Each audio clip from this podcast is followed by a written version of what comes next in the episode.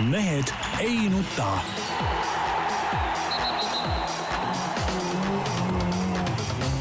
mehed ei nuta.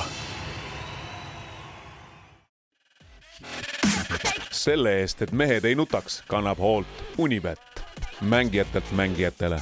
tere teisipäeva, vaatamata punasele pühale on Mehed ei nuta kangelaslikult eetris. no Tarmo, keegi peab ju olema. keegi peab ju olema, Tarmo Paju Delfist. tervist. Peep Pahv Delfist Eesti Päevalehest. Jaan Martinson Delfist Eesti Päevalehest ja igalt poolt mujalt.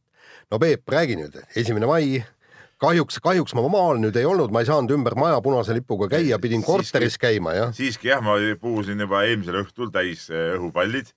Eh, marssisin nendega siis ümber, ümber oma valduste nii-öelda. Eh, mõttes mürtsus orkestrimuusika ja, ja, ja nii nagu ikka, esimesel mail, töörahva solidaarsuspäeval me oleme ka töörahvas, oleme solidaarsed nendega. tuleb ikkagi nagu väike rongkäik ära teha, kas sa, Tarmo, ei osalenud või? ma rongkäigul ei osalenud, aga ma no, annan, oma, ma annan oma panuse siin eetris praegu, et nii nagu kuskil on kojamehed, müüjad, noh, kes ikkagi ei saa nagu punasel päeval ka isegi puhata, nii oleme ka meie. aga siiski peab, ütleme ju eh, jah, tööl käia see on õige, aga peab ju hõikama neid loosungeid, et elagu Äh, Eesti äh, Vabariigi töörahvas, äh, hurraa ja siis hurraa. ja, ja, ja, ja maha, maha imperialism ja, ja, ja, ja mul oli ka, mul oli seina peal ilusasti plakatiks vabadus, vend, vendlus, võrdsus ja, ja, ja siis, siis laulsin Internatsionaali, nüüd üles needus, keda rõhub, nälg ikkes nälg orjus ikkes hoiavad, näed, hakkavad sõnad juba meelest ära minema. jah, aga noh, nii on, et ikkagi hoiame nagu jõus traditsioone just, aga, aga tegelikult noh, aga miks ei võiks olla paraad ka praegu noh? mis, mis siis sellel nüüd, et, et töörahvas tuleb ja lihtsalt sammub? esimese mai paraad ei olnud ju mingisugune, see ei olnud ju sõjaväeline paraad, see oligi ju rahva mingi rongkäik, nagu käis ju rahvas mingi pitsaga sinna. no aga tuleb ju täna õhtul tuleb ju Vabaduse väljakul mingisugune töörahva kontsert isegi. Taukar on kohal ja. Seda ma ei teadnudki. see on vähemalt hea. see on mida, mida. ma isegi ei tea, kas ametiühingud või kes selle korraldanud on. ametiühingud on iseenesest muidugi saatanast, see on ka selge tähendab. huvitav, sul on nüüd on mingi vastuolu su jutus. ei no see, ma saan aru, ei no vastuolu ei ole ametiühingud on saatanast, aga töörahva solidaarsuspäev, see on nagu traditsioon. ja, ja, ja kusjuures tegelikult seal siis Vabaduse platsil peaks vaatama, eks, et ainult töörahvas saaks seda muusikat kuulata. et, et mingisuguse... ükski firma, firma juht, ütleme, juhtivtöötaja, isegi, isegi osakonnajuhatajad, ütleme, mingid meistrid ei saa lihtsalt lihttöölised no,. isegi sina ei tohi minna siis? ei tohi ka jah, ei tohi, midagi pole teha. ja mina saan ainsana no,. Jaani, Jaani saadame siis nii-öelda. Jaan siis vahendab meile gastrollima sinna. homme, homme vahendab meile muljeid sealt äh, ürituselt. jah nii, nii, poliitikast ka midagi on et.... ei no ma tahan enne, enne kui poliitika juurde minema, tuleb ikkagi anda au, ma arvan, äh, Aruküla käsipalli noortele, kes tulid Eesti meistriks B-klassis. Aga mis sinu panus selles oli? minu panus selles, kas peab olema minu panus? ikka no ei ei, ma ei pretendeeri sellele panusele, olen lihtsalt äh, nii-öelda äh, kohalikuna kodukoha okay. patrioodina väga rõõmus selle üle. see on ka panus. ei, aga selles mõttes. ma, ma arvan, et minu osalus kunagistes suvelaagrites ei vääri siis. aga me mäletame seda, kui sa isegi äh, saadet tegid ükskord sealt kuskilt, olid mingi rattamatkal. absoluutselt, selles mõttes on olnud äge vaadata, kuidas need poisid on, on, kuidas neil hästi on läinud. Aga samas on jumalast lahe. teist korda juba Eesti meistrid. et, et mingisugune külasats võidab, võidab Eesti meistritiitli. olete te, mis asi see Aruküla on? Alevik. Alevik, jah. nojah, aga olgem ausad, käsipall ongi ju, et väikeste kohtade, no Aruküla on veel eri, erakordselt väikse, väike, eks ole, aga Tapa, Põlva, Kehra, noh, need ongi kõik ju tegelikult ikkagi nagu ju Eesti mõistes ka ikka väiksed kohad. noh, nüüd on Viljandi, no Viimsi no,, okei Viimsi ei ole ka väga, väga väike muidugi. jah, aga, aga ikkagi ütleme, need on ikkagi siuksed, ütleme nagu, nagu ei ole nagu suurlinnade mäng, aga, aga käsipall ongi väga mehine mäng, ütleme selles suhtes seal ütleme linna ütleme, pehmed linnavurled seal nagu hakkama ei saagi selles mängus tegelikult, seal saavad ikkagi ainult, ainult siuksed tummised maamehed. kuule, aga kiirelt poliitika juurde, mis teie mehed arvate sellest, et tuuakse ministriks spetsialistid?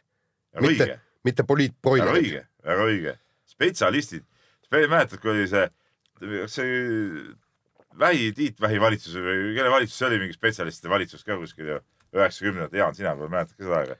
ei no see on õige, noh, eks poliitikud ei tea ju valdkonnast ju midagi, kuidas nemad saavad olla üldse ministrid. see mingi kantslerite võim ja see on jura, eks ole, minister on nii, mina olen spetsialist, rusikas lauda, ma ütlen, nii on ja nii jääb, väga õige minu arust. ei ole või? sa, Tarmo, oled nagu teist meelt või? ei, mul ei ole selle vastu mitte midagi. ühtlasi tervitame ka meie head tuttavad Remo Holsmerit, kes et ta lahkus poliitikast. kes lahkus poliitikast. siin on nii ja naa, ma saan aru. ma tahaks natuke Remot natuke nagu, nagu rihmutada ka tegelikult.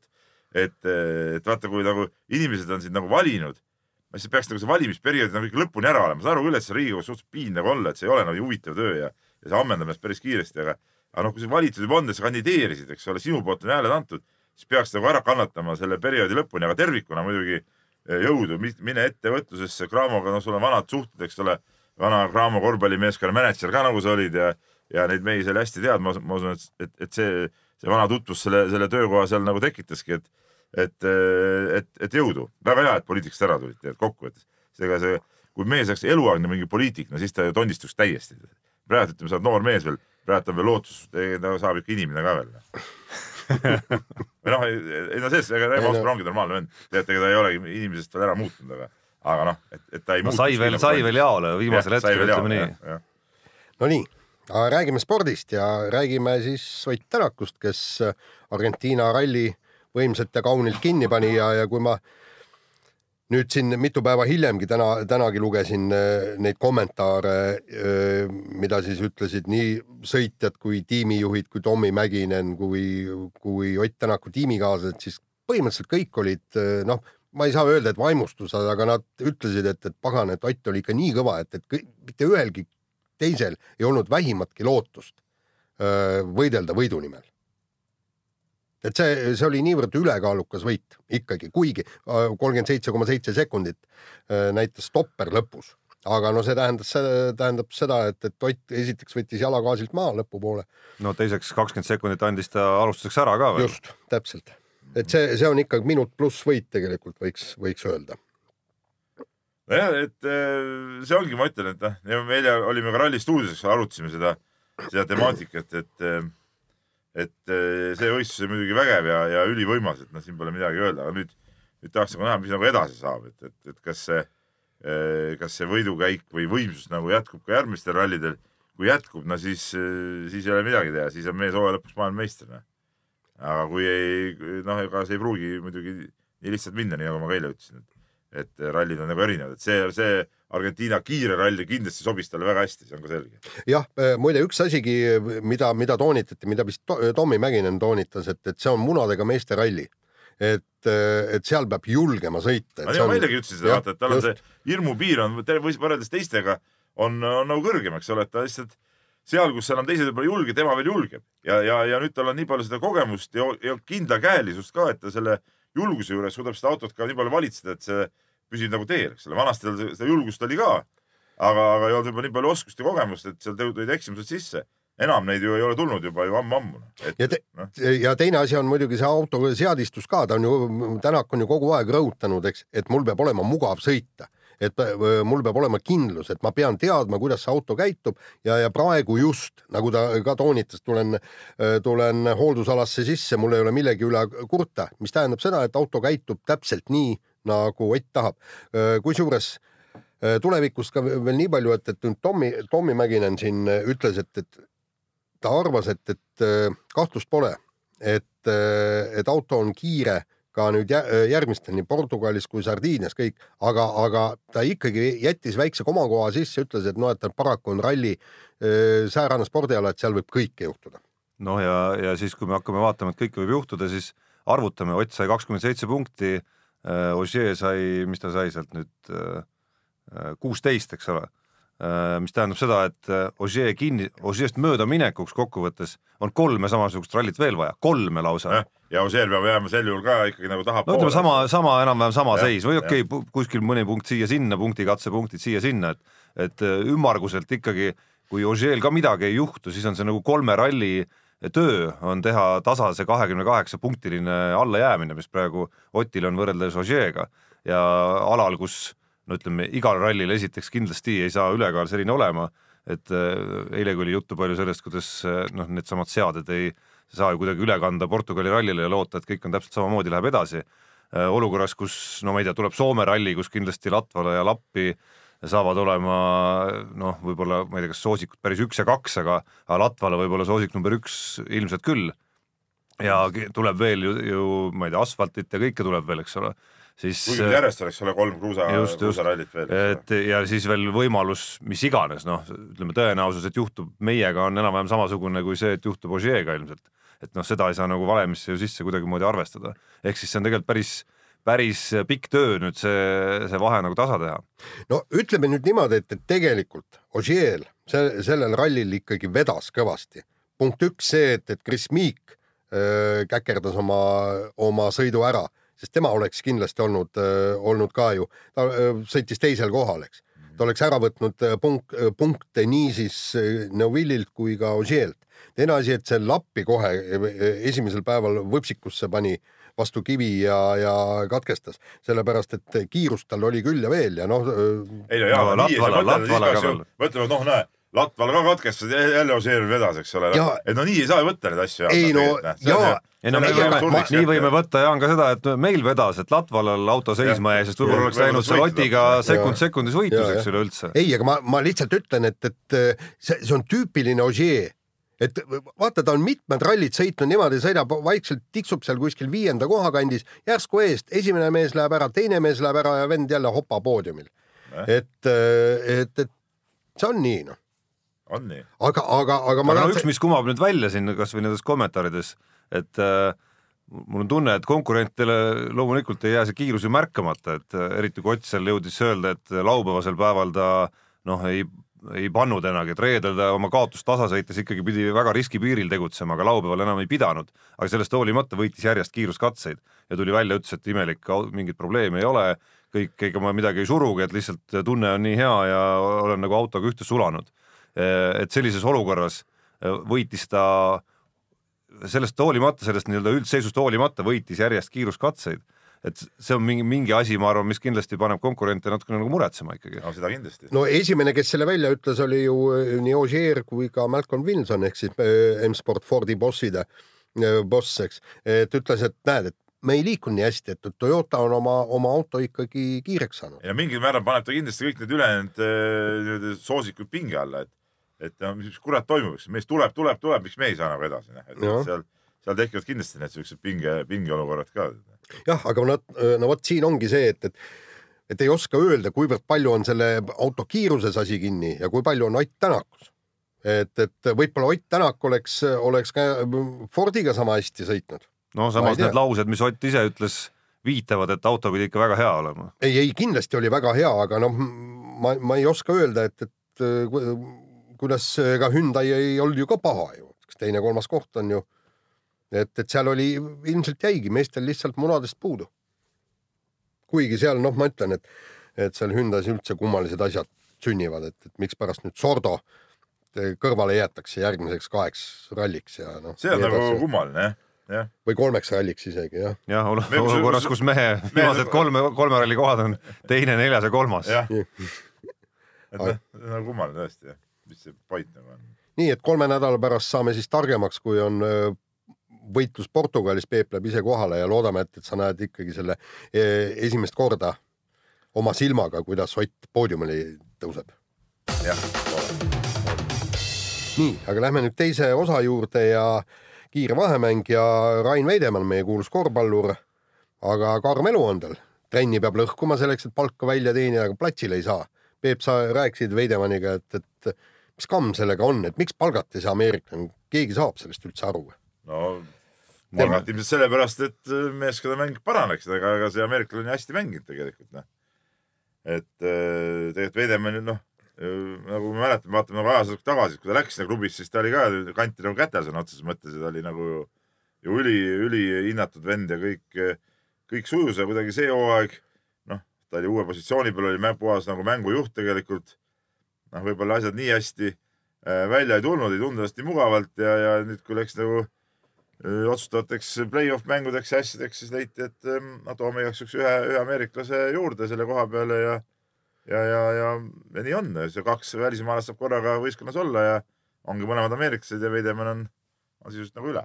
no jaa, aga kas no seda võimalust ei ole, et, et vennale öeldakse okei okay,, et et noh, et, et me, me sind ei taha kasutada, et mine nüüd puhka kodus või valmistu no,. esiteks ei ole teda mõtet kuhugi ära saata, sest mine sa tea, võib-olla saab üks kahest legionärist vigastada ja ja teda läheb kohe järgmisel päeval vaja kindlasti, et sellel ei ole nagu mingit pointi hoida see ühe kuu palgaraha klubil kokku selleks, et siis ei no mis palgaraha, palgaraha maksad ikka talle välja et ja. kokkuhoidu ka ei ole, et loomulikult tuleb mees nagu töös hoida ikkagi. no jaa, aga, aga anna ta siis talle natukene mängidagi. ja sa ei saa anda, sest sul on ka.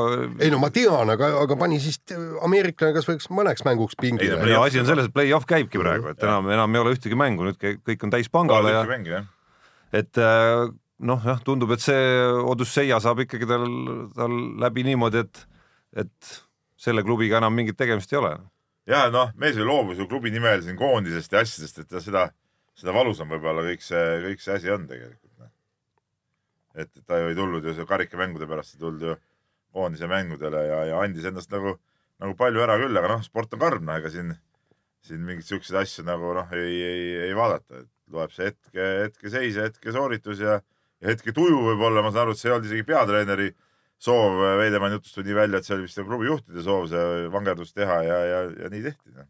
No, et mida, mida tahaks väga loota lihtsalt on see, et ta selle mis ta nüüd on, poolteist hooaega või natukene vähem, et, et ta selle aja jooksul jõudis võib-olla mingi märgi maha panna, et Itaalia tundub niisugune huvitav turg, kus kui ütleme, korra lähed ja, ja, ja suudad nagu jala sinna ukse taha saada ja, ja positiivselt silma jääda, siis võid päris kena ja pika karjääri seal teha, et Kristjan Kangur on seda tõestanud, hetkel on seda Itaalia kõrgliigas äh, suurepäraselt, kusjuures tõestamas Siim-Sander Vene.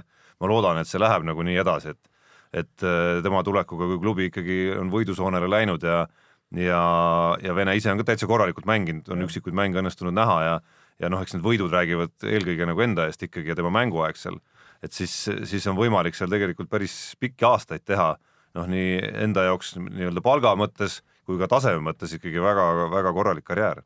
muide, aga ma mäletan, kui Veidemann sinna läks, siis olid kriitik, kriitikud, kes ütlesid, et no et Itaalia esiliiga ei ole kindlasti see koht, eks, kuhu tasuks minna, aga seal eh, nii-öelda oponendid vastasid, et ei, et eh, esiliigast ongi just võimalik edasi kõrgliiga poole äh, liikuda, et, et jääd seal silma ja siis varsti mängid kõrgliigas. Öelge nüüd, kas, kas Veidemann näitas oma mänguga, et ta väärib kohta kõrgliigas? vot see on Itaalias. päris, päris keeruline küsimus, et kui ta nagu põhimõtteliselt äh, klubi juhtide arvates ei väärinud kohta praegu isegi selles esiliiga võistkonnas, eks ole, siis noh.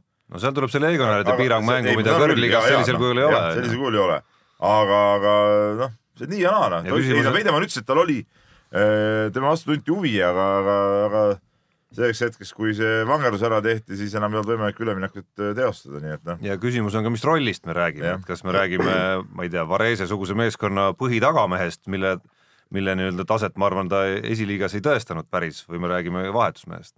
jah, et siin on see positsioonis ka, terve see hooaeg läks talle tegelikult nii-öelda enda mõistes vale positsiooni nahka tegelikult, noh, ta ütles ka, et noh, ega talle nii väga see mängujuhi koht ikkagi ei meeldinud, et ta võiks olla sihuke kaks ja vahest harva üks siis asendada, aga noh, ta pidi olema põhimõtteliselt ju, ju päris mängujuht, et see nagu ei olnud päris tema jaoks see. aga vahetame teemat, vahemäng, kiire vahemäng on meil täna üsna selline Äh, lustivaba, aga, aga seda tõsisem. Anett Kontaveit äh, mängis eelmisel nädalal äh, Stuttgartis, üle pika aja sai kogeda päris kõvasti ka võiduemotsioone. üks Porsche punane, mis oli seal Stuttgardi väljaku nurgas ootamas turniiri võitjat, seda ta küll endale ei saanud, kuigi, kuigi seal matši järgses, veerandfinaali matši järgses intervjuus juba juhiti tema tähelepanu selle punase auto olemasolule, aga sellegipoolest kolm võitu ja vabandust, kolm mängu ja, ja kindlasti turniir, mis läks positiivse poole peale. see tennisevärk on üldse nagu kummaline. oli see Kaia Kanepil nii, on see Anett Kontrandil nii. on mingi pikk madalseis, siis järsku nagu paisu tagant pääseb lahti ja mängib nagu, nagu noor jumal, eks ole, jõuab, jõuab heasse kohta, siis mingi hetk jälle tuleb täielik langus, et, et noh, Jaan, sa oled meil nii-öelda nii-öelda peaaegu tennisespetsialist, et eh, on sellel mingi mõistlik seletus ka? no ilmselt on, noh, nad kõik räägivad, ega see Anett Kontaveit ja, ja tähendab, ütleme need treenerid, kellega, kellega ma rääkisin siis, kui Anett madalseisus oli siin just äh, põhimõtteliselt eelmine aasta, ka pikk madalseis eelmine aasta, ikka pool aastat kestis. ja siis kõik nad ütlesid, et, et seal ongi, asi on enesekindlusest kinni, kui sa ei saa võitu, sa hakkadki peas mõtlema, et pagan, kas ma kaotan jälle, tähendab siis, kui kuskilt taha jääd ja nii. ja siis nad noh, tõid kasvõi näiteks, et äh, kuidas Kaia Kanepigi läks enesekindluse taastamiseks mängima ITF turniire, nõrku turniire selleks, et seal saaks jälle võidutunnet kogeda ja siis, ja siis jätkata nagu VTA äh, tasemel. Ja, ja Anett Kontaveidiga ilmselgelt nõnda oli. Ja, ja, ja seal ikkagi noh, võitles kõvasti ja, ja ma, ma, ma ei kujuta ette, kui tal esimeses mängus, kui, kui ta oleks selle mängu ka veel kaotanud, kõmm. Et siis oleks see asi olnud paha-paha. Aga, aga nüüd sai esimese kätte, noh, järgmine oli siis järgmine Gerberiga vist ei, jah, Ger-. pooleli jäi pooleli jah, noh vastase vigastuse tõttu, aga siis pani jälle kolmesetise mängu kenasti otsa, võitis, eks ju. et, et, et ilus mäng. ilus mäng ja seal ütleme, kui me seda Pavlitšenkova mängu meenutame, seal oli kohti küll, kus lõpus oleks võinud murduda, kohti, kus just nagu olid juba murdega ees ja servisid seal seti või võidu nimel ja, ja ikkagi andsid selle ära veel ja ja andsid nii-öelda matšpalle ära ja noh, seal oli nagu kohti küll, kus oleks võinud jälle nagu see asi krõks nagu valepidi läbi käia, aga aga noh, ma olen suhteliselt kindel, et, et Anett teeb oma, oma selle psüühika poolega ikkagi nagu nii-öelda mingit ekstra tööd. noh, see on selge, et see on kuskil seal nagu kinni, et äh, ma tahaks väga loota, et see oli mingisugune noh, nii-öelda väike linnukene, nii-öelda kevadekuulutaja natukene, et, et see töö hakkab vilja kandma nojah, ja, ja viimaseks veel ütlen, et, et noh, kui ma vaatasin neid mänge, vaatasin ka eelmise turniiri kaotatud mängu ja kõik, et see noh, minu silm küll ütleb niimoodi, et, et et kui ta mängib liiga pehmelt, no nagu nii-öelda kindla peale ja no vot siis ei tulegi tal eriti midagi välja, sealt tulevadki need kaotused, siis on initsiatiiv vastasele kõik, eks. aga kui ta seal noh, ma rääkisin temaga ka pärast esimest võitu, tundus, et ta sai ükskord enda peale tõsiselt vihaseks. Et, et kui seal vastase matšpallid tulid ja siis ta ikkagi no sisuliselt täiega mm. andis ja, ja mitte mingit pehmust ei olnud ja, ja sealt see edu tuligi et.... seda juhtis ka seesama Pavlitšenkova matši järgses intervjuus intervjueerija tähelepanu, et ta, et ta mängis ka nii-öelda neid saatuslikke punkte, mängis nagu täie agressiivsusega, et läks neid ära lööma ikkagi, mitte ei oodanud vastase eksimust. just no,. nii nagu Jaan sinuga eile rääkisime, tegelikult ikkagi eh, lõpuks ikka tuleb mingi ühes samas kohas see sein ette tulema, eks ole, et, et et jõutakse, tehakse paar ilusat mängu, aga see see otsustav täpp jääb tihti, no okei okay,, eelmine aasta tal õnnestus seal korra või, või aga, aga tihtipeale jääb see otsustav täpp ikkagi panemata, no enamus kordadel, et, et et läheb, läheb, läheb ja siis on see sein ees, täpselt nii nagu Kaia Kanepilgi tegelikult. jah, no loodame, et, et siit tuleb, noh, see no selle seinani tuleb esiteks tihedamini jõudma hakata no,. et kui sa ikka vahepeal äh, kuude kaupa noh, on sul endal sein kuskil seal see sein lihtsalt väga, väga madalal. väga varajases staadiumis, siis, siis noh, et sa peaks regulaarselt selle seinani, selle nii-öelda Pliškova nimelise või selle taseme seinani jõudma, et siis hakkavad, ma arvan, ka selle seina ületused tihedamini tulema. kusjuures tuletan meelde, et Anna Kurnikova minu teada ei võitnud ühtegi WTA turniiri, kuigi oli parimal juhul maailma kaheksas edetabelis. et, et.... no nii on. jah. nii, aga äh, meie rallimees Martin Järveoja, Ott Tänaku kaardilugeja, siis on leidnud äh, võtme, mis äh, viib ralli võitudeni, nimelt iga kord tuleb osta endale uus käekell ja võit tuleb, et nii on nagu elu praegu näidanud, kolm võitu ja kolm kella, ma saan aru. jah. et äh, kallis lõbu, aga, aga, aga võidukas. no sõltub kellast muidugi. noh, vaata nüüd kuskilt Pekingi turult ühe euro eest neid mingeid Rolexeid ostab, tead noh ja aga ma, tegelikult vot ma siin ei saanudki aru, et, et kas ta, kas ta ostis neid nii-öelda kaardilugeja kellasid või lihtsalt tavalisi käekellasid. sellepärast kui tavalisi käekellasid, siis on asi ilmselt lihtsam. Aga, aga ma arvan, et ta võiks nüüd ka enne Portugali rallit selle kellaostu ära teha, et vaadata, kas tõesti asi, asi kehtib. Ja siis mingil hetkel võiks vaadata niimoodi, et eh, kui endal juba rahakott eh, enam vastu ei pea kellade ostmisele, huvitav, kas kellegi teise ostetud kell eh, ka nagu mõjub sellele?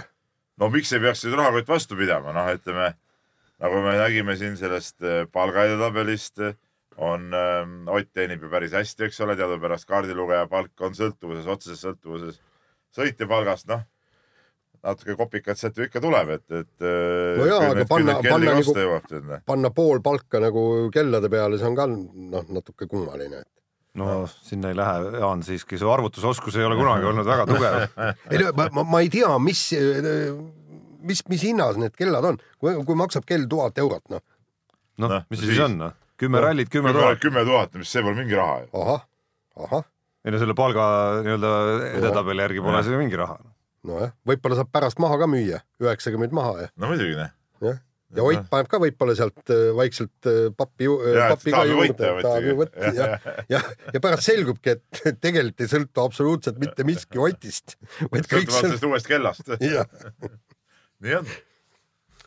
nii, aga järgmine teema ja tohoh, minu jaoks oli see küll kõva uudis, on see, et, et Eesti meistriliigas, korvpalli meistriliigas on poolfinaalidest alates videokordused kasutusel. see uudis tuli välja eile. just. minu arust see on äh, lollus kuubis. euroliigas ju näeme, kuidas see rikub mängu tegelikult, kuidas, mis, mis mind kõige rohkem selle videokorduste vaatamise juures häirib, on see, sa käiakse vaatamas seda, et kas, kas viga oli nüüd ebasportlik või tavaline, uuritakse, puuritakse mingeid lollusi, siis käib see, see, see kuradi lõputu kella mingi null koma kolme sekundi kruttimine ja vaatamine seal. noh, no come on, vennad, noh. mängime nüüd korvpalli ja laseme kohtunikul otsustada, noh. lõpuks pole ju kohtunikku väljakule vajagi. üks mees istub teleka ees, annab sealt signaali ja näitab, mis värk on siis, noh, väljakul pole vaja olla kellelgi siis ju, noh. Et see on ju lollus kuubis tegelikult, noh no.. lollus kuubis, noh. see rikub mängu Euroliiga mängud on veninud mingi üle kahe tunni pikkuseks, paljuski televiisori vaatamise pärast no,. teadupärast, äh, teadupärast olen ma kindlasti videokorruste pooldaja, aga ma pean nii palju möönma, et korvpallil on natukene veel vaja nagu loksutada seda asja paika, et mida vaadatakse, millal vaadatakse, kui kaua vaadatakse, mis juhtudel vaadatakse. et ma sellega olen nõus, et natuke, natuke nagu mingites kohtades on see noh, ütleme, see tulebki nagu selgeks teha, need olukorrad, mis juhtudel minnakse nagu vaatama, et et natuke minust Kossus veel logiseb see asi. jah, mul on nüüd. ma, ma näen seda, kui ma vaatan seda, mida nüüd otsustati, et mida Eesti meistriliigas nüüd poolfinaalides ja finaalides äh, hakatakse vaatama, siis äh, ma seda ebasportlikku ja, ja selle vea asja ma siit nimekirjast iseenesest ei, ei näe ja üks asi, mis mind natukene muretsema paneb, on see, et meil on vist äh, kas kaks kohtunikku, kes on kokku puutunud selle süsteemiga nagu Euroliiga tasemel ehk siis Rain Peerandi ja Aare Alliko yeah.. et, et meil on nagu rida kohtunikke, kes on üsna kogenematud selles vallas ja, ja ma ei ole kindel ka, et noh, kuskil seal lauas peavad ka olema mingid inimesed, kes kes peavad olema ekstra inimene, kes istub kes peavad ja, nagu väga ja, pädevad ja kiired ja. olema selle asja juures, et et kas see play-off on nüüd kõige õigem koht, kus nagu katsetama hakata, ma ei tea, aga noh, teisalt ma saan aru, et seda ei saagi katsetada Äh, nagu reamängudes, sest et äh, teleülekannet ei toimu enamikest reamängudest, et sul on vaja ikkagi nagu tehnilist äh, nii-öelda võimekust selle tegemiseks. aga, aga üldjoontes nagu ma pigem ütlen nagu kiitust, et ei. kindlasti peab proovima. ainult Kul laitus, ainult laitus saab siit tulla. Kuulge, mul on siit nüüd teine küsimus. üks asi on videokordused Euroliigas või NBA-s ja ka teine asi on ikka meie tele tase, ehk siis meil ei ole kuuteist kaamerat seal ja, ja, ja ma mäletan ühte momenti, mis oli telemängus, ma ei mäleta, kas me, me mängisime lätlaste vastu või leedulast või kellega, oli see kolme punkti vise. see, see, see oli mingi nii ja, ja ei olnudki võimalik, ei olnud ka telekast kuskilt näha ja mäletad Tairo Lutteri foto, foto nagu tõestasid, et kohtunikud eksisid pärast. jah, just. mäletan, oli au kommenteerida seda mängu veel koos Jaak Salumetsaga, kes ja. ilmselgelt mõjutas kohtunikke. mõjutas, näitas, näe, näe, näe. oli joone peal nii, aga, aga, aga nüüd seal, sealt tulebki, kas, kas see, kui me võtame, palju seal võetakse? aga sellega on ju selles mõttes lihtne, sellega on, ei, ei, mis ühe-kahe kaameraga, et teleülekanne on ikka mingi viis-kuus kaamerat ah,. Okay. ja minu arust Euroliigas ka kõiki neid kaameraid ei ole päris videokorduse kasutuses, mis ülekandes nagu olemas on aga noh, nende olukordadega on ju ka lihtne, et äh, kui midagi näha ei ole, siis jääb nii, nagu kohtunikud algselt äh, on otsustanud nojaa, aga ma ütlen, see kõik see võtab nagu aega, see lööb nagu mängutempot alla. aga noh, enamik, mida vaadatakse, on ikkagi, mis puudutavad ju mingit, äh, mingit mängukella olu, olukordi ja palju seal aega kuskil on. see on eriti tobe veel minu arust. no sõltub, sõltub hetkest noh. no mis sõltub hetkest noh Äh, käia kogu aeg seda null koma kolme sekundit vaatamas, no see on jabur. aga mäletate, see kummaline moment oli selle ke nii-öelda kellavise, kui, äh, kui kas läks siis äh, nii-öelda tagalaua kellast see pall, puutus seda või mitte ja seda jälle ei olnud telekas näha ja mäletate, kui, kui Reho Soonik käis te teler kaenlas ja. tuli meie toimetusse isegi. ja videomaat kaenla, kaenlas ja näitas ja, ja no ei olnud sealt võimalik näha, ei olnud sealt võimalik näha. et selles ja. mõttes on kuva, kummaline jah. nii järgmine teema. järgmine teema on minu sissejuhatada, ma saan aru, ehk siis äh, pisut saluuti Eesti spordile ja Eesti maadlusele. Helari Mägisalu jõudis Kreeka-Rooma maadluse Euroopa meistrivõistlustel finaali, täna, täna on siis finaal kes on Helari Mägisalu. no seda, seda ma, seda, seda, see, see mõte ongi. ausalt öeldes, ma tunnistan ausalt, kui ma nägin seda uudist, ma mõtlesin Helar ja siuke nimi ka, Helari, ma mõtlesin, et tegelikult mingi nais, naismaad jaga meelde päris ausalt, ma kuulnudki. ei, ei, ma nime ikka olin kuulnud, aga. mingi mehe pilt oli. mina, mina olin ka kuulnud, aga ainult tänu sellele, et ta juunioride MM-il võitis pronkspedali.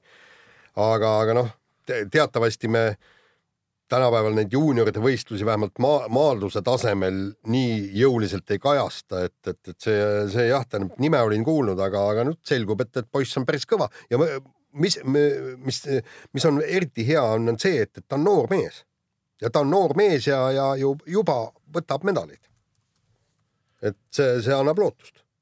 nojah, samas eh, sa, Jaan, muidugi jälgid seda maadlust rohkem, et kui, kas see kaalukategooria kuni viiskümmend viis kilogrammi vist, mis see oli.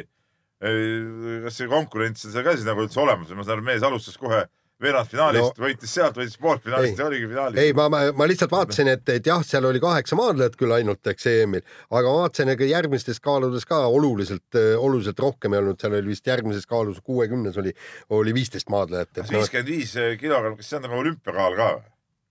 no väga ei ole jah. ei ole jah? ei no mulle tundus kohe, et nii selle... kergeid mehi ei saa ju nagu üldse olemas ollagi tegelikult. aga miks ma ei loe seda ikkagi, kas, miks te selle olete varjanud seal uudistes või on see kirjas olnud ikka seal? ei noh, põhimõtteliselt seda ei ole jah, et aga noh mis asja, mida te pullite nüüd? jah ja, ja, ja, ja küll kõhe midagi. praegu on nagu kuidagi, praegu on nagu teod tabatud. ei no aga seda uudist välja ei mõelnud siis? ja, jah mis mõttes välja ei mõelnud no, ei no see Jaan seda üles ka ei pannud. ei küsimus on, kuidas see nüüd praegu meie eetris välja tuli, et see oli mina küsisin, no mul tundus, et ma ei ole kunagi kuulnudki üldse kaalukategooriat kui viiskümmend viis meest, kas sa olid kunagi kuulnud siis kaalukategooriat? ja ma pole nagu selles dimensioonis mõelnud lihtsalt, et kust see piir algab. mõtle viiskümmend viis kilo. oota, oota, kunagi oli mingisugune kaal, kas see oli boksis või tõstmises oli ka kuni nelikümmend kaheksa kilo. see naiste kaal ei olnud, no meestega on ka minu meelest olnud. nagu, no ma ei tea, no see tundub mulle üldse nagu nojah, okei okay,, no tasku, taskuraketid no.. las nad siis täna seal madistavad seal mati peal ära oma mm.. Jaan on põnevusega kindlasti striimi no. välja otsinud ja, ja no striim eile väga ei töötanud. no, no viiskümmend üheksa on siis äh, on nagu Õige algab meeste Kreeka-rahva maadluse esimene kaal on viiskümmend üheksa olümpial. jah. aga siis, et kui mees tahaks nagu olümpiale pääseda, siis äh, järgmisse kaalu, jah. järgmisse kaalu minema, jah? jah noh, sealt nüüd väga pikk maa ei ole, ma ei tea, palju ta kaalub küll, aga kuni viiskümmend viis, siis ta kaalub. viis kilo peab juurde võtma siis umbes, noh. ei no põhimõtteliselt äh, ta peab, äh, ta, ta ongi praegu viiskümmend üheksa kilo. et äh, kuna ta võtab kaalu minnes, võetakse kaal alla ju, võistlust, nii et noh, see ei ole probleem. nii. nii, aga lähme kirjade rubriigi juurde ja kirju nagu alati on siin tulnud palju, kell pressib hirmsasti peale, võtame siin võrkpalliteemalise kirja ja on algamas ju ju vägev võrkpallifinaal seeria homme ja, ja, ja raadiokuulaja äh, Märt on siin kirjutab meile ja, ja küsib, et, et no kuidas suhtuda sellesse, et et äh, kõigepealt siin Tartu Saaremaal on see finaal, eks ole. ma korra segan no., korra segan. ma saan aru, Jaan, maadluses ongi nagu EM-il on kaalukategooriad teistsugused. jaa. no vot, hakkab tõde kooruma. nojah, see on mingi jama. Noh. ikka see... mitte nagu lihtsalt teistsugused, vaid nagu ikka hoopis teistsugused, neid on rohkem. aga miks see nii on, Jaan? No, no kuule, ma ei hakka pikalt selgitama siin. oota, aga kuidas EOK ei... selles, kuidas see EOK valemisse läheb, nüüd on küsimus. no see ei lähegi valemisse. see ei lähegi valemisse nii, aga kus ma jäin oma selle kirjaga, ahah, ja kiri oli siin ja nüüd on Tartu ja Saaremaa vaheline suur finaal ja, ja tegelikult selle, selle finaalseeria üks äh, säravamaid äh, persoone on siis Andrei Ojametsa autojuht, kes siis peab sõitma iga päev äh, kuus-seitsesada kilomeetrit, et vedada meest Tallinna, Kuressaare, Tartu liinile edasi-tagasi, et, et kas see on, on see nagu tõsiseltvõetav, et ta on täiskasvanud mees, kellel ei ole autojuhilube ja, ja, ja, ja ta töötab veel treenerina? ei noh ma tean, et autojuhilube ei ole paljudel. ei no kui sul ei ole, kõik on väga lihtne, kui sul on autojuht, siis sul ei ole vajagi autojuhilube, Peep. see ongi meie ja Andrei Ojametsa vahe no. meil aga... ei ole autojuhti, meil on endal lube vaja. Andrei Ojamets on äge vend, mulle väga Andrei Ojamets alati meeldinud, aga mulle tundub nagu naljakas esiteks see, et nii vanal mehel, et ta autoga ei sõida, okei okay,, selleks. aga teiseks, kui on siuke olukord nüüd ka, kus on no, ilmselgelt oleks neid lube vaja, eks ole nüüd peab keegi teine tema eest seda, seda, seda kihutama edasi. ei, kuule, stopp, tal ei ole vaja mingil juhul lube. sellepärast, et kui Tartu tahab, et ta juhendaks, Ojamets juhendaks seda klubi, no siis tassigugi meest. on ju nii? no absoluutselt, tema... ma räägingi noh, et kõvadel meestel on autojuhid. just täpselt, et, et, et ja, ja, ja sa kujutad ette nüüd, kui, kui, kui treener peaks ise niimoodi päevas kuus-seitsesada kilti sõitma. no ütleme niimoodi, et oleks ikkagi üsna toss ka seal treeningutes ja mängudel. et, et see, see ei oleks ka õige. autojuht kehandu-, kehastuv, äh, kes see oli, Rikand või kes see oli tal see, et see peab, teeb homme siis selle mingi kuue-seitsmesaja kildise auto otsa ära jõuab öösel kuskil koju, hommikul läheb lastega kuhugi võistlema, et noh, see ütleme, ei ole ka just kõige, kõige, kõige parem, parem variant, et, et aga no tervikuna, kui sellest korraks korraks sellest äh, finaalseeriast rääkida, siis tegelikult Ojametsa, äh, kui ta võtaks nüüd ära selle meistritiitli ka, võib-olla nagu kallutatud juttu aeg-ajalt, äkki tohiks nagu olla ühe poolt, see oleks siis nagu, nagu väga vinge, vinge seeria. lugu ole. oleks vägev. lugu oleks nagu, nagu äge, kõik see naiste värk, see, kuidas ta tuli ja nii edasi, et, et noh et see oleks nagu, nagu tõesti, tõesti suurepärane. no see, seal on mingisugune võimalus on olemas, sest nagu ma saan aru, äh, Saaremaal ei ole kõik vennad terved, et, et siin, siin meie, meie leheloos äh, kui, kui finaali eel, millal see lugu ilmus, oli vist äh, esmaspäevases lehes või? Äh, kui, kui ja, selgus, jah? eilses lehes jah ja,, kui selgus, et ainult äh, viis tervet mängijat on, et noh, ütleme, et, et, et see on nüüd see koht, kus, kus võib no Tartul võimalust olla. samas tasemet peaks muidugi jälle, kui, kui kõik mehed oleks kohal, siis Saaremaa peaks ilmselt olema ikkagi nagu üle, no seda on ju ka põhiturniir ja, ja kõik need asjad äh, selgelt näidanud. ja, aga see oleks äh, küllaltki mage ja igav, kui, kui üks äh, meeskond niivõrd domineerib, et võtab kõik kolm karikat ära. jälle ma ütlen praegu publiku seisukoha. ei muidugi oleks igav no,. selle järgi kahjuks või õnneks ei jagata ikkagi tiitleid. nojah ja., just. Nii, aga lähme, lähme edasi siin, siin muude asjadega juba, muidu me jääme aja jänni, meil siin kell tiksub ja mul on peale saate lõppu siin kiirelt vaja ka lahkuda korraks, pärast jälle tööle tagasi tulla, täna väga tihe päev olen nagu Ojamees juba. pean sõitma. ainult, et sul on load, sul ei ole autot. load, ma saan ise sõita ja nii ta on. Keila linnajuhid, kus te olete? nii, aga räägime jäähokist ja Eesti jäähoki õisati, oo jube vägev, hästi panid A-grupi teises divisjonis, me mängisime, peaaegu oli võimalus esimesse tõusta samas mina mäletan neid üheksakümnendate aegu, kui me rääkisime, me olime seal esimeses divisjonis ja me võitlesime, reaalselt võitlesime koha eest nii-öelda päris MM-il. nojah, aga siis mängiski see vana, vana äh, Narva Kreenholmi ja Tallinna Talleksi põlvkond veel, eks ole, kes oli see äh, Vene ajal saanud selle oki äh, hariduse, kuigi meile tundus, et mängisid siin mingit mudasarja, mingit liidu teist liigat, siis tegelikult ütleme selle, sellel tasemel nad olid ikka päris kõvad vennad, eks ole, ja vahepeal me kukkusime päris alla, noh ja, ja mis, niisugune bardakk hokikoondises valitses, mäletame, ma ise lennujaamas ju, ju pildistasin seal, kui mingid vennad tulid eh, purjus peaga ja, ja magasid seal lennujaama ees pingi peal ja, ja no, no see oli ju häbi, häbi tipp, mis üldse sai olla tegelikult, et noh. ma ütlen seda, et, et mehed ei või peale turniiri eh, natuke napsu võtta, ikka võivad ja, ja, ja kõik, aga kui sa oled jäänud turniiril viimaseks, kui ma õieti mäletan, et tookord tulid. Aga siis ei ole nagu erilist õigust nagu niimoodi sihukeses olekus nagu saabuda, oleks võidumeestena saavutud, ma poleks mitte midagi öelnud, nii nagu seal see Soome kuulus treener kukkus sealt lennuki eh, trapilt alla, eks ole, noh ikka, ikka juhtub, no mis siis on siis, kes võib oleks jokis pea kukkunud, eks ole, normaalne. aga, aga kui sa oled, oled kaotaja, siis, siis mõtle selle peale, kuidas lähen koju ja panen kohe usud alla ja hakkan, hakkan trenni tegema. et see praegune, praegune rõõmustamine ja. tuleb ikkagi pigem selle taustalt, et ka meeskond ise läks sinna eesmärgiga nagu nii-öelda pigem püsima jääda kui, äh, kui võidelda edasipääsu eest kõrgemale tasemele. lõppkokkuvõttes oli seis selline, kus viimasel päeval mängiti Leeduga ja kaalul oli koht järgmise divisjoni. ja mindi üks-null juhtima isegi. ja kuidas see meeskond on ikkagi nende aastatega nagu kasvanud ja ja, ja meil nagu võib ju tunduda siin kodus, et meil nagu erilist okit nagu ei ole, noh, see Eesti tsempionaat on nii kui on, kuigi kõik ütlevad, et see aasta oli Eesti tsempionaat ka nagu tasemelt juba parem ja need mängijad, kes Eesti klubidest tulid koondisse, seal üksikud mehed on, olid nagu paremini valmis selleks ja nii edasi aga tegelikult meil on väljas on nii palju hokimehi, äh, kes ikkagi selle, selle taseme ära kannatavad ja, ja koondisse tulevad kokku ja, ja, ja Jussi Tupimäki minu arust see oli, see oli väga hea käik, ma ei saanudki üldse aru, mis need hokijuhid hakkasid siin mingist järgmist sammu ja hakkasid siin sügisel, võtsid mingisuguse Kreeka nimega Kanada treener ja mingi, no mingi umbluu, eks ole, oli see täielik, kes siin nagu ei käinud, midagi ei tundnud. aga Jussi Tupimägi on paar aastat treener, räägib eesti keelt, tunneb siinset hokit, kõiki asju. no tuli ja, ja meestel oli ka nagu hea mulle tundus, et see tema tulek nagu andis meestele jälle siukse hea tõuke ja, ja, ja, ja see oli üks, üks kõva treeneri võit ka, et ta siukse hea õhkkonna seal satsis lõi. Peep, aga tegelikult üks asi, mis meie eh, takistab meil veelgi kõrgemale jõudmast, noh, võib-olla okei okay,, me saame ühel hetkel võime sinna, eh, sinna esimesse divisjoni tõusta, aga, aga veel kõrgemal on see, et, et väga paljud Eesti hokimehed ju tegelikult äh, ei mängi Eesti eest. nagu ma kuulsin, Embriki vend Embrichi vend on üldse, no see Embrich ise ka nagu päris, ma saan aru, et äh, mina seda momenti näinud, aga ta oli inglise keeles intervjuud andnud.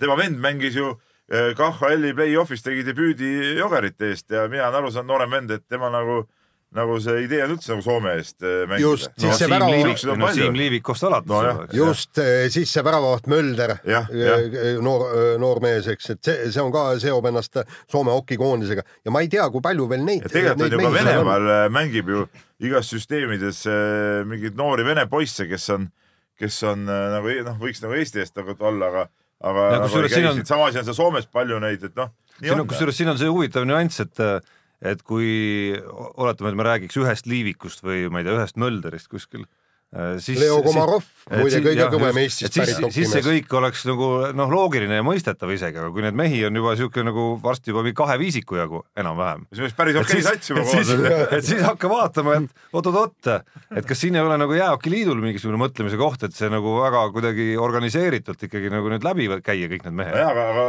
võib-olla vahepealne Hokiliidu tegevus oligi nagu selles suhtes ka nagu kehvake, et, et mulle nagu tundub, et, et viimastel aastatel Nohkidis ka nagu asjad palju paremaks läinud ja, ja, ja, ja, ja mingeid vendi on ikkagi, ikkagi saadud siia mängima, noh.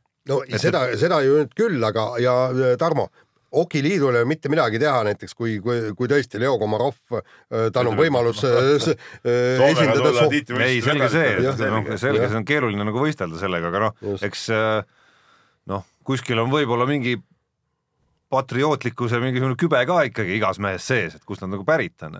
ja, ja kui me ei räägi enam nagu esimese divisjoni B-grupi nagu mudasatsist, vaid ma ei tea, potentsiaalsest aste kõrgemal võib-olla võitlusest mingisuguse, mingisuguses tulevikus isegi mingi, mingigi nagu edu nimel, siis, siis on see natukene nagu on noh, mingi präänik on nagu olemas ikkagi. no jaa, aga selles suhtes muidugi äh, ma ei tea, kas te vaatasite seda selle patriotismiga on ainult see häda muidugi, et enamik neist vendadest noh, ei ole tänu nagu Eesti hokisüsteemile muidugi hokimeesteks saanud, vaid on ikkagi mingisugused ise, ise uitajad olnud ja ma ei tea, vanemate ja kes, kelle iganes abiga leidnud välismaal, kas siis Venemaal või või Soome poole siis mingisugused võimalused hokimeheks saada. aga kas te vaatasite laupäeval seda mängu muidu, Eesti-Leedu vahelist mängu, teleülekannet? jaa, vaatasime küll. kas te panite tähele seda Tainis Subruse intervjuud seal, see oli vist peale esimest perioodi, mis eetrisse lasti no see oli, see oli ikka suurepärane näide ikkagi sellest, kuidas eh, noh, ütleme Leedust välja kasvanud mees, no ütleme noh, Leedul ei ole ju tema arengus ka ju eriti suurt eh, rolli olnud, et ta on ju kogu elu seal Ameerikas istunud ja mänginud, elab praegu ka Ameerikas. aga, aga kuidas tema see side Leedu hokiga on, on jäänud, et noh, ta rääkis, ta on mingisuguse Leedu noorteliiga president, mida alustasid seal mingi paarisaja mängija, nüüd on üle tuhande mängija seal, et sellepärast käib ta mitu korda aastas Leedus ja nii edasi Eh, nüüd nad tulid koos, eh, koos Darius Kasparaitisega tulid ju, kuigi nad on karjääri juba ammu lõpetanud, tulid Leedu koondisse, rääkis, kuidas ta valmistus selleks no nii, nii nagu tavaliselt enne NHL-i hooaega, eks ole, nendeks paariks mänguks, eks ole. et, et vot, vot see on nagu sihuke, sihuke oma, oma riigi, oma koondise eest nagu väljatuleku noh, nagu musternäide, eks ole, et, et öeldi, et davai, et kas te tulete ja teete selle asja ära ja noh no ta veel rääkis ka, et no Kasparaitis ütles, kes polnud ju kunagi Leedust mänginud, oli ju omal ajal ju siin Venemaa koondisega medalit võitnud. et, et tema ütles, et tema läheb, siis ütles, noh, mul ei olnud ju ka siis muud varianti, noh, kui sihuke vanamees juba läheb, siis ma pidin ka tulema, eks ole, ja, ja, ja tuli ja, ja, ja see tulemus on nüüd see, ta rääkis ka, et, et, ehm, et vahetult seal turniiri ajalgi ta oli kohtunud seal Kaunase linnavõimudega, kes siis olid andnud talle lubaduse, et hakatakse ehitama uut mingit hokikompleksi sinna linna ja nii edasi, ütles ka seesama probleem, mis meil, et ütles, et meil on neid noor, noorteliigas seal nüüd üle tuhande mängijat, nüüd on järgmine asi, meil on tarvis neid jäähalle, eks ole, siis rääkis selle, noh, nüüd Kaunas lubas ehitada ja nii edasi. et vot, vot see on see, see on see kõva asi, et kui need mehed, kes okei okay,, neil ei ole Leedu hokiga võib-olla nagu oma tippaastatel erilist pistmist olnud, eks ole, aga nad ikka nagu tulevad ja oma oma seda riigivärki ajavad. no, no aga vot meil on see probleem, et meil ei ole sel tasemel äh, hokimehi, et ma arvan, et nad äh,, Robert Rooba tuleb ja, ja aitab ka tulevikus äh, me, meid ja Eesti hokit üles, üles ehitada, samas ma toon näiteks. no Toivo Suursoo vaikselt ju tegutseb siin. ja to, Toivo Suursoo tegutseb ja näiteks ma või äh, toon siia kõrvale, eks see Ragnar Klavani, kes soetas endale ju jalgpalliklubi ja, ja, ja kes panustab ka siia jalgpalli. ja lihtsalt see hästi sümpaatne intervjuu, mulle nagu see, sellest hokki ülekandest jäi nagu väga, no, väga meelde. et jah, nojah, loomulikult ei ole nendele Eesti kuttidele siin nagu Venemaa, Soome koondisega võrreldes nagu vastavat präänikut anda, aga aga noh, mingi asi on kuskil siin ka ja mul on tunne, et kui neid mehi on nagu nüüd rohkem tõesti, siis võiks tegelikult siin kuidagi kollektiivselt ette võtta selle asja kõik. aga vahetame teemat ja üks mees mängib meil ikkagi päris suurt mängu oma meeskonnaga, ehk siis Ragnar Klavan ja ja Liverpool, kes on jõudnud ühe mängu kaugusele meistrite liiga, jalgpalli meistrite liiga finaalist ja, ja ilmselt Madridi Reali vastu. sisuliselt finaalis juba. no ei ole midagi, AS Rooma on võitnud varemgi kolm-null. ma pean tunnistama pattu, ma olin seal lõpus selle poolt, et oleks kolmas eh, koll ka veel tulnud, et siis oleks nagu põnevust rohkem olnud viimases mängus. aga seis on praegusel hetkel viis-kaks. ei no Klaavani väljakul olles seda väravat küll või oleks tahtnud, pigem siis enne juba. ei no siis, kui nad teise ära olid, siis ma lootsin küll, et kohe tuleb kolmas ka. aga, aga praegu jah, Liverpool juhib viis-kaks ja, ja, ja noh no see asi võiks tehtud olla, kui nad oleks vähe tõsisemalt lõpuni mänginud selle kohtumise ikkagi, aga aga no ma, ma ei tea, ma tahaks siiski uskuda, et see on, on, on et ikkagi tehtud ei kordu, see asi. ei kordu see eelmise mängu triangel jah, jah. aga mine tea noh, aga ütleme, sihuke ajalugu näitab, et eh, Rooma on selleks võimeline nii no paljud nagu Liverpool ajalugu näitab, et ka Liverpool ise on võimeline laskma endale näiteks kolm väravat ära lüüa, isegi rohkemaks on nad võimelised. selline natukene niisugused sambamehed on mingitel hetkedel ikkagi, kus ise suudetakse väga palju väravaid lüüa, aga aga tuppa tuleb ka ikkagi väga lihtsasti nojah, hoiame pöialt, ega midagi. no, eri, no eriti eriti vägev on minu arust see, okei okay,, Klaavan ei ole nüüd meistrite liiga mängudes siin viimasel ajal olnud äh, noh, nagu põhimees olnud, on saanud seal pigem neid äh, ütleme siis üle, üle, üleaja minuteid, aga et mees on vähemalt jälle terve, mees on noh, nagu tobedalt palju ebaõnne nüüd sellel hooajal ikkagi üle pidanud elama, nagu siin Jürgen Klopp on viimasel ajal intervjuudes välja öelnud, kus kus mingisugused veidrad äh, mingid viirused ja asjad tulid kallale just kõige valusamal hetkel, kus meeskonda toodi äh, klubi ajaloo kõige kallim kaitsja üldse. ehk siis äh, et ta on nagu sellest jälle üle saanud ja Inglise liiga mängudes on väljakul ja mängib seal täiesti korralikult, nullimäng viimati ja noh, vägev värk selles mõttes ikkagi. ja, ja noh, ja noh, Klopp nagu väidab, et klubi tahab lepingut ja. temaga isegi pikendada ja pigem kumas mulle Kloppi jutust no, nii vähe, kui ta seda lahkas välja see, et tal on endal natukene kahtlus, et kas Klaav on olukorras, kus ta on neljas keskkaitse, et kas ta nüüd nagu ise tahab jätkata seal või, või tahab võib-olla pigem otsida, ma ei tea, kasvõi Inglismaal mingisugust kohta, kus ta oleks võib-olla põhikaitsja. ja samas äh, muidugi sellises klubis nagu, nagu äh, Liverpool on, kus on nii palju mängijaid ja erinevad sarjad, no on nagu näha, et tegelikult ka sellele neljandale kaitsjale on nagu tööd, eks ole, seda on nüüd ju viimased mängud ka näidanud, kui seal tõesti see graafik on tihe ja, ja, ja kõik peavad ju andma mingi panuse. nii, aga, aga väga põnev on äh, viimasel ajal olnud seis ka vormel üks sarjas, kuigi Äh, minu jaoks täiesti arusaamatutel ärilistel idiootsustel äh, tulemustel on siis nagu meil vaatamine siin, siin raskendatud, aga noh, õiged mehed RTL-i pealt ikka näevad. mis seal nii arusaamatu no arusaamatu on see, et, et käib mingisugune õudne mingi raha juramine, peaks mõtlema rahva peale, rahvas tahab vaadata, noh. kes, kes peaks mõtlema? no need, kes müüvad meile neid asju, noh ei ole vaja siin endale mingit taskuid raha täis toppida. ei, aga tegelikult vot mul, mul tekib siin nüüd küsimus, ühesõnaga, et just lihtsam on, parem on ju anda ju odavama raha eest äh, ära midagi ikka teenivad, sest et ega nii, nad teeniks ju vähem, aga ikka midagi teeniks, kui see, et nad küsivad hirmsa raha ja siis ei teeni mitte midagi. kõik on siuke kommiraha nende jaoks, et nad ei viitsi tegeledagi, kui see summa tegeleda. on alla mingisuguse piiri. no täpselt, ei saa ühe inimese palkagi sellest. nojah, aga siis andke niisama meile. ei, aga vaata, siin on teine küsimus keegi ei ole siiski mulle lõpuks selgitanud, et, et kas, kui suur see papp on et, et, et seda ülekandeõigust osta, kas ei ole võimalik, no okei okay,, see. no sajad TV... ja sajad tuhanded ikka. ei noh, TV3 ütles, et aga, aga TV3 on ju tegelikult, ta on igalt poolt võitlusest nii-öelda ära läinud. eks olümpia minu meelest olümpiavõitluses ta ju ei, ei olnud, et olümpiaülekandeid, kas, kas nii-öelda no, Kanal kahel või ETV-l, kas neil ka ei ole seda pappi või? No, no ega need summad ongi ikkagi päris suured, Jaan no,. selles ongi see ma küsimus. saan aru, aga, aga publikut ju huvitab, kui, kui on ikka niisugune. võiks vaadata oma spordi, spordiasju üldse. ja, ja aga noh, kuskil, kuskil jookseb ikkagi nagu tasuvuse piir ja see piir antud hindade juures, no ma arvan, et kindlasti ma olen täiesti kindel selles, et on ta siis, milleks iganes me nimetame seda kontserni, TV3, TV6, All Media Baltics või, või Viasat Sport Baltic, mis iganes, et nad ei teinud seda otsust nagu kergekäeliselt ikkagi, et see on olnud nende üks noh, ikka kroonijuveele ja nad kindlasti on see nende jaoks valus, eriti nüüd, kus kus tuli uudis, et ka seal nii-öelda Viaset Motors siis, mis tegelikult ei ole enam siis nagu meie TV3 grupi nagu kanal, eks.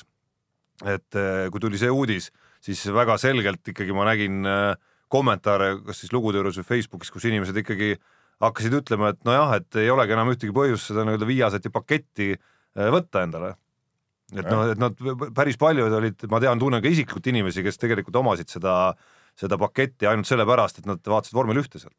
Aga... mitte jalgpallimeistrite liiga ja. pärast näiteks, milles kui..., mille, mille õigused seesama grupp ikkagi võitles, võitles endale tagasi. no oli siis vaja üldse sealt suurest Viasatist ennast lahku lüüa, tead noh jälle see äri, jälle see äri, seepärast aga... Seepärast ma natuke vihkan seda äri tegemist, et see nagu, nagu tegelikult segab normaalset elu tegelikult. aga see ei ole ju, nagu sa aru saad, Peep, see ei ole ju äh, nende siinsete inimeste otsus. muidugi ei ole, no ega ma Tarmo, seda Tarmo, see on ju omanike otsus. Tarmo, aga kuidas siis meie nii hädised oleme? see Eesti üks väheseid riike. Jaan, olemegi hädised, vaata, mis olematu turg siin on, muidugi oleme hädised. ei no kuule, mis Maltal, kus on poole vähem, mis sa arvad, et Islandil ei näidata vormel ühte või? ma ei tea seda, kas sa tead? no seda võib vaata, vaata sinna kuradi ma äh, broadcasters äh, vormel üks. Üleüldse see, see meie jutt kogu aeg, et meid on nii vähe ja ja, ja, ja me siin oma riigina ei saa hakkama. võta sama Island, kuidas nemad oma riigina hakkama saavad? just täpselt, kolmsada tuhat elanikku.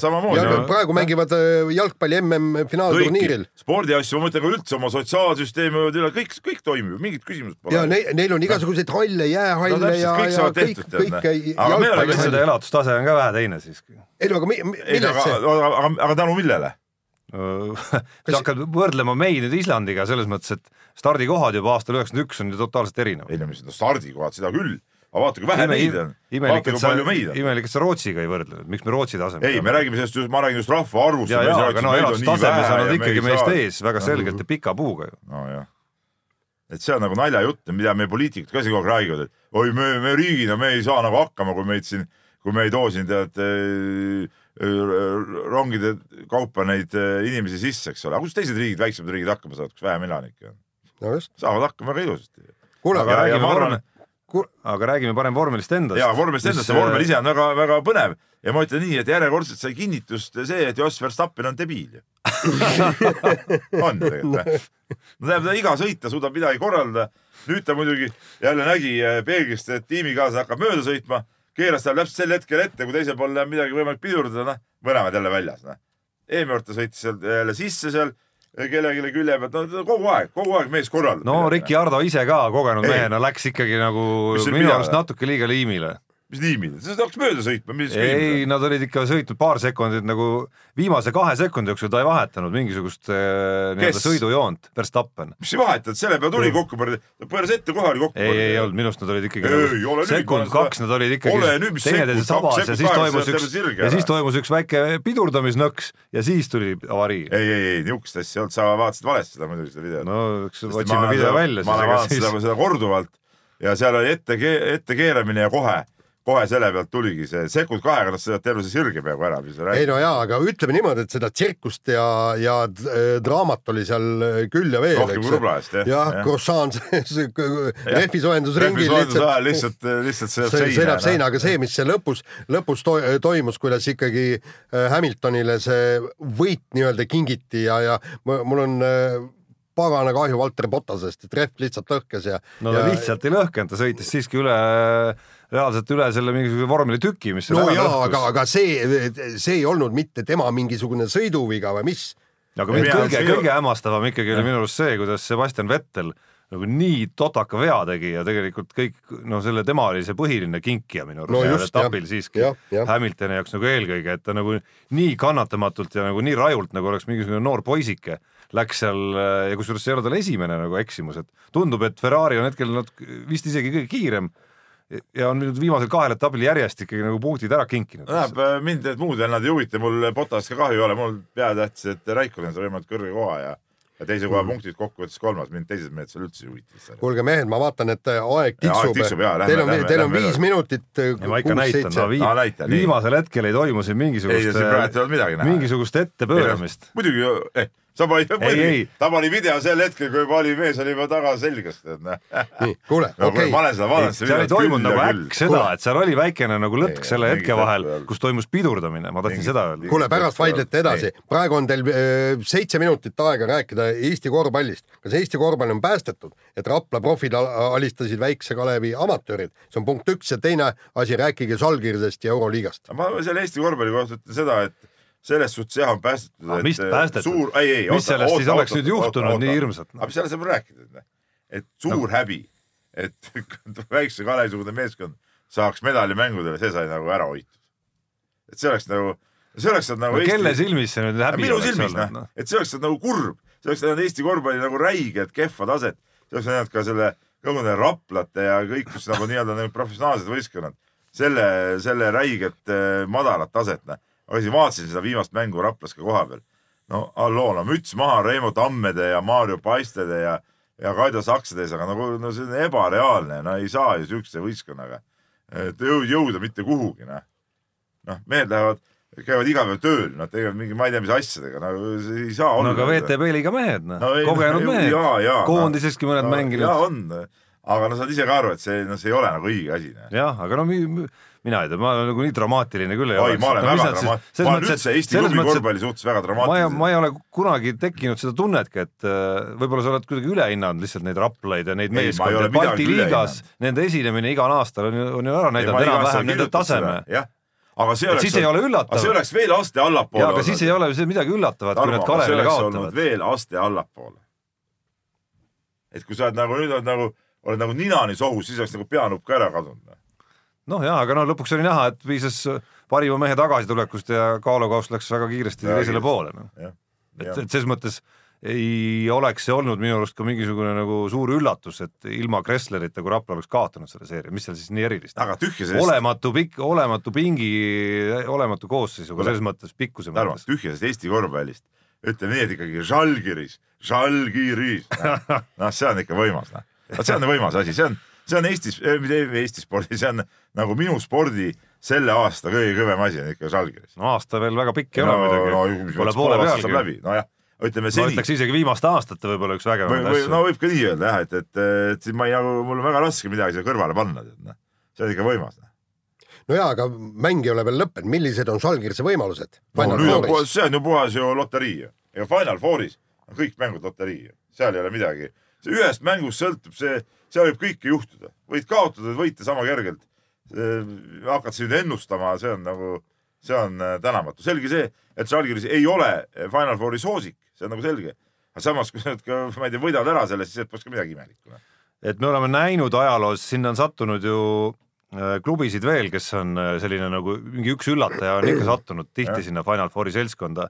see oli nüüd siis kaks tuhat kuusteist, kui see Kuban Lokomotiiv oli seal ja seesama Kuban Lokomotiiv mõlemas mängus oli konkurentsis lõpuni välja, lõpuks saigi kolmanda koha. sai kolmanda koha, jah. et, et need ei ole kunagi mingisugused nagu noh, kunagi ma ei saa öelda, aga väga tihti nad ei ole mingid kotipoisid olnud ja Žalgirise puhul me teame, et äh, oma poolfinaali vastast nad on võitnud sellel hooajal ja noh, sõltub, kes nüüd finaali vastaseks tuleb, aga kui tuleb CSKA, siis ka CSKA-d on nad võitnud sellel hooajal. no see oleks kõige magusam oleks ju ju finaal CSKA-ga seal võita, no see oleks nagu noh, sihuke vanade aegade. kaheksakümnendate no, kordus nagu,. see oleks nagu ikka klassika, noh. vot see võib-olla Euroopa jaoks ei oleks see klassika, aga meie jaoks oleks see nagu klassikate klassika nagu üldse, mis saab olla. kui ma olen omal ajal noore poisina seda kõike nagu näinud, eks ole, ja nüüd näed seda uuesti. jah, aga, aga vaata, Peep, minule oli natukene, vaata, ma ei ole seda Euroliigat vaadanud ja kõike, minu jaoks oli see väike üllatus, et, et Žalgiris ei ole nii kaua nagu pääsenud isegi veerandfinaali rääkimine Final, Final Fourist ja kui vaadata, kui meeletult seda meeskonda ikkagi toetatakse ja kui meil nüüd räägitakse, et, et meil ei toetata Kalev Cramot sellepärast, et nad ei jõua öö, mitte kuhugi. sa mõtled fänne või sa mõtled? no põhimõtteliselt fänne ja kõiki fänne ja kõiki no,. eks Žalgirisel on olnud, mäletame siiski, on olnud ka raskemaid aegu siin kümmekond aastat tagasi, kui siin üks rikkurist, Vene rikkurist omanik ja. oli ja, ja tohutud võlad ja, ja tegelikult ka tühjad saalid lõpuks ja fännid, kes pöördusid meeskonna vastu, et et eks, eks neid aegu on olnud siin vahepeal erinevaid. Neid aegu on olnud, aga ütleme ikkagi ka viimased aastad, kui, kui kuhugi jõutud, ikkagi see rahva tugi on olnud meeletu ja ma olen ise käinud saalis ju ka, see oli ka mingi hooaeg, kui, kui võib-olla kokkuvõttes ei läinud kõige paremini isegi tookord kaotati seal, ma ei mäleta, kas Müncheni Bayernile või kellelegi. Et, et ikkagi saada rahvast täis ja see kõik see atmosfäär ja see kõik oli, oli siis juba vägev, no rääkimata nüüd, kui no, täitsa, no see on erakordne. ja, ja kusjuures nagu ma saan aru, riik panustab riik ka panustab ja linnad ka, ja, ja kõik, kõik, kõik panustavad. et kõik on pandud ühele kaardile, see on sama asi nagu Eesti korvpallis tuleb panna kõik ühele kaardile, kõik tuleb panna Kalevile. aga ühte asja tahaks selle Euroliiga juures muidugi rääkida, mida mida ma siin neid mänge vaadates ja vahel kommenteerides pärast mängu tihti jäin nagu mõtlema, et ma ei ole ausalt öeldes nii palju nagu nii-öelda nagu kohtunikele mõelnud, kui, kui nende oi, viimaste veerandfinaalide, veerandfinaalide jooksul, et on küll videokordused ja asjad kõik nagu abis, aga mulle tundus, et siin nagu sellist nagu ebaõiglust sündis rohkem võib-olla kui kunagi varem isegi. et no alustades sellest CSKA ja Himki teemast, kus juba esimeses mängus võeti lihtsalt nagu nii-öelda vale out ära otsustaval Himki rünnakul. Ja, ja no rääkimata sellest viimasest olukorrast, mis on nagu äärmiselt segane ikkagi see, no see oli, see oli ebareaalne nagu lihtsalt. no rääkige see olukord lahti. ei no olukord, olukord oli selline, eks ole, et seal oli äh, Himki meeste vabavisked olid, treener pani äh, vahetusmeeste pingile mängija, et siis nagu kaitsesse tuua, teine vabavisk läks mööda, mäng läks edasi, eks ole. CSKA pani sisse, Himki mängis kiiresti Audi lahti, väga perfektselt ja kõik mängitud ja, ja alguses ei olnud nagu midagi, kõik kohtunikud kõik jooksid tagasi nagu peab ja kui pall hakkas korvi juurde jõudma, siis järsku peeti mäng kinni, eks ole. hakati seda vahetust andma, hakati seda kuradi kella tagasi keerama seal. noh, ja, ja võetigi sellega nagu võidukorv Himkilt ära tegelikult, noh. ja see on täiesti ebaloogiline lahendus. No. aga mis on reeglite järgi? reeglite järgi tegelikult vist eksis laud tegelikult, kui päris nüüd ausalt öelda, eksis muidugi laud. aga no see on ka kohtunikud ju noh, ikkagi kohtunike süü igal juhul noh et nad oleks ja. tegelikult pidanud äh, selle rünnaku laskma. sealt ei saanud hästi aru, et kas see äh, vahetusmees nagu, kas ta tuli sealt eemale või mulle tundus, et ta ei tulnud sealt eemale, et see oli selles mõttes väga segane olukord seal. kus, kus on nagu ainult, kus väljaku kohtunikel on nagu raskem nagu otse näpuga näidata, aga küll kasvõi seesama Reali ja Panathinaikose teema, okei okay,, see Panathinaikose omanik on muidugi hull ja, ja mingu ära sealt Euroliigast, kui te ei taha seal tõesti olla. et see mees ajab ka seda asja loomulikult üle võlli seal, aga mis seal salata, seal oli kohti minu arust, kus neilegi tehti seal külma. aga, ja mitte ainult ühele poole, no seesama, mis me siin rääkisime üks päev, see Antetokounmpo mingi näitlemine ja. seal, et kuidas kohtunikud nagu tegelikult kohe seda ära ei näe või kui nad juba videot läksid vaatama ja, ja miks nad miks nad seda tehnilist siis ära ei andnud näiteks sealt, eks ole või, või seal no või mingi... see, mis mulle hakkas väga hingel, oli kuulus Luci Lamonica, tead, no õudne kohtunik enda arust, tead. see Kavaljauska selle pandud tehniline, no mida sa kurat esined seal, tead. sa oled kohtunik, sa oled teenindav personal seal mängust, et sina ei pea olema esikohal, eks ole, aga selle tehnilisega ta oleks peaaegu Salgerise võidu ära käkkinud, eks ole, oma sekkumisega, tead. kohtuniku asi on olla märkamatu, ta on nagu parkett peab olema, tead, siuke lahki, lahki kihi all seal, tead, teda ei näegi mitte keegi. aga mitte nii, et sa teed oma kuradi seste seal ja tõmbled kogu aeg, tead, näe no see pull tuleb ära lõpetada. ja no lõpetuseks, mis seal salata, mingi tõrvatilga viskasid need kiidetud Reali veteranid ka mulle ikkagi lõpuks, kui seal Reiese mingisugused tõmblemised vilistati kõik nagu ära juba vigadeks ka, et Panathinaikose nagu viimane tagasitulek lõppes sinna ühte Felipe Reiese välja imetud veasse tegelikult. no selle vastu olnud muidugi midagi. Nojah, et ühest küljest meisterlikkus küll, aga no teisest küljest, kuule, võtke ennast mehed kokku nüüd, noh, niigi Rudi Fernandes annab kõik, et Real ei oleks sümpaatne meeskond. Ja ei tea, pole see Rudi Luka Dontšis nagu annab mingi vastupidise asja ja Sergei Lull ka, aga siis on seal Rudi ja siis Reias tahab ka veel natuke Rudi, Rudi ikka, parteisse minna. Rudi on ikka hea mees, olgem ausad no,. oleks ole. Eesti korvpallis üks Rudi Fernandes. oleks ei. Rudi Fernandes Eesti eestlane, tähendab, et ta ei oleks hea super. mul ei ole selle vastu ütle midagi, et Rudi Fernandes on olnud ja noh, tegelikult on ka praegu ikkagi väga hea mängija muidugi, aga ta on ikka väga antipaatne tüüp mulle natuke siuksed vend meeldivad. Nii, no ta ei kanna seda lõpuni välja, tema häda on nagu see. ta nagu. et ütleme siuksed Jassikevitši sugused mehed mängijakarjääris, nemad kandsid nagu lõpuni välja sellise nagu kõva mehe ja tohutu nahaali, aga noh, tema minu arust päris lõpuni nagu ei kanna, kanna alati nii, kuulge. aga lõpetame me... saate ära, sest kell on tõesti palju ja. ja kuulake põhimõtteliselt meid nädala pärast ja siis räägime jälle korvpallist kogu saate täis. mehed ei nuta